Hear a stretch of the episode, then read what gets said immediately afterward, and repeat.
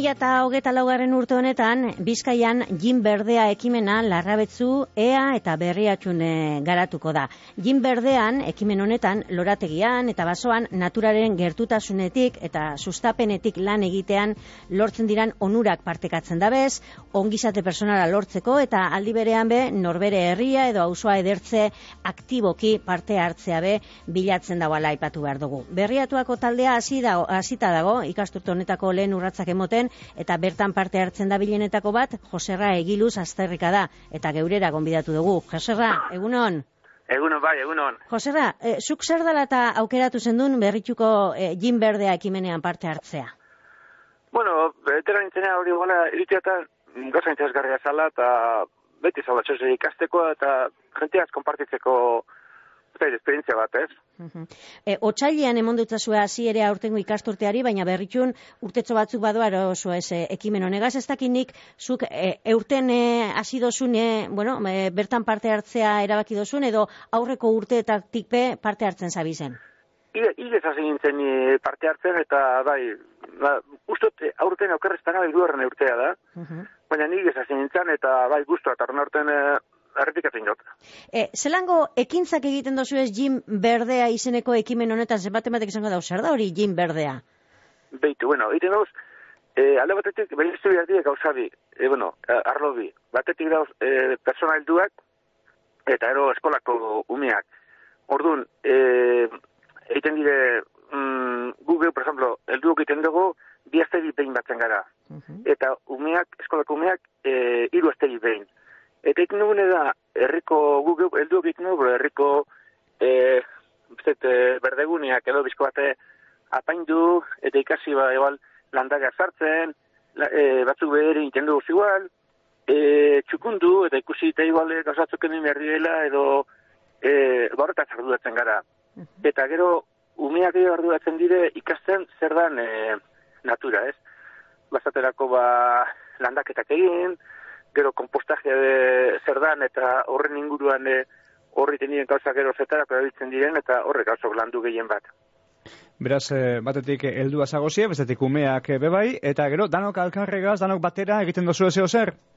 Bueno, zeo baina, ez gehiago da, e, arlo bi horre berezten dire, ezak gu bitzen gara guraldetik eta umeak guraldetik, eta ero kompartidu egiten dugu momentu batean, ba, hori, ba, kompostajearen inguruko arlo hori, bazean landu eta zelan e, erabili urte osoan zehar e, izan du e, dauzen e, e, onakinok eta onakin organikoak eta holan, gero kompostajearen bitartea zelan berre erabili ba, lurra lantzeko, eta? Uh e, gu dinosunean, e, zer zari, talde finko bazarie, edo joanetorrian dabil jentea, batzuetan gehiago batzen zari, beste batzuetan gitxiago?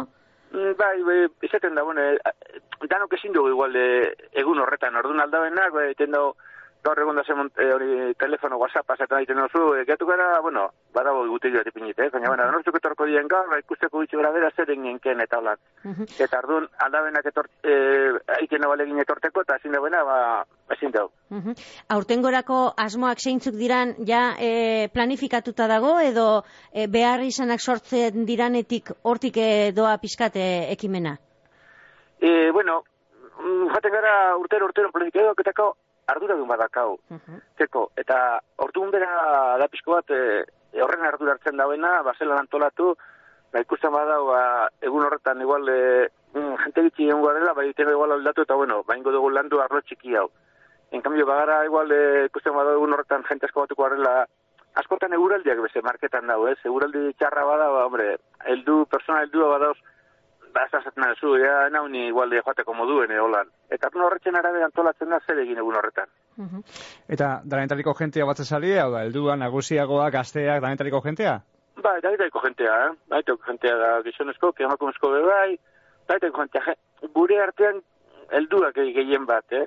Uh Imaginatzen dut, e, formakuntzarik eta ez tala behar, hau da, borondatea egitea laguntzeko hori dela e, eskatzen dena, ez? Hoize, bai, borondatea eta ikasteko gogoa, eta bat ez da, konpartiuteko gogori, ez, danon artean egin aldixatea, eta ikasi beti ikasten duzu zuzen, gargi dago. Uh -huh.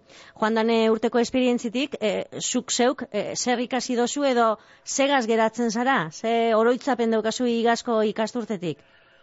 Ba, bueno, hola, zer zer igual, e, bai, igual, detalle etxo bat, ez? Askotan, pasatzen za herrigunetik askotan e, etan dago berdegune bat eta hola, eta, karo, zuk parte hartu dozu berdegune horretan dauzen e, gauzetan sartuten edo ereiten edo edo landera batu sartzen hor, e, urrengoan pasatzen zen albotik beste bat ere diatzen duzu hori. Mm, eta berdegune hori zuretzako, eta, zure, zehaz, e, egiten da, ez, bihurtzen da, ez?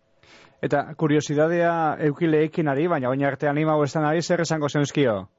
Etorteko, e, ondo pasako dagoela, argita garbi eta anitik, ez tala derrigorrezkoa, zu, momentu eta zentuten bazara ez dakazula indarrik, edo ez dakazula gogorik osa daiteko, tranquil, ez dakuten hartzen egiten dugu, eta lehen duten gara, lehenengo eta dain, e, ondo pasetan. Hmm. Hori da, orduan nik nahi dauen ari, etorteko, hori, bi astelenik dik behin batzen gara, eta edo zantzen udaletxea joan eskero, pregunta udaletxeko behar gine ez duzu ez egon eta etorteko inolako bildurri barik, zebetik hasiko dago, zer, eta eta aleginduko gara, gure artean, giro ona eta ondo pasetan. Ba, e, txartu espanabile, Joserra, urrengo itzordua, datorren astelenean, hil honen hogeta zeian daukazu ez da? Bai, datorren astelenean dakau, mm -hmm. e, bai. Jagute finkatute, zelan izango da, bi, bi aztegi behin eta tokaten da urren gaztelenean bai. E, nun eta zer egiteko batuko zarie? E, bueno, oin gabiz hori, herriguneko berdeguneak ikusten abertzen dauzen, eta zer kendu behar den, edo zer zer igual e, landaren bat e, kendu ere beste bat ipini edo gabiz errepaso bat emoten hori inguruen.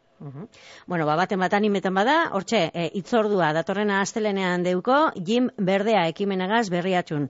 E, Joserra, eskerrik asko, geurean egotearen eta animo, ikasturte barriagaz. Ez, eskerrik asko zeui e, guazakorratearen eta jentiari esan e, orako esperientzia polita digela eta merezi dela zehondu pasatzen da eta ikasi da asko eta ikasten da baita ere e, natura eta inguruan dakagune beste batera presetan. Bueno, bortxe, e, deialdia bintzat, e, edorto baten eginda. Urrengora arte, Joserra? Ezkerrik asko, urrengora arte bai.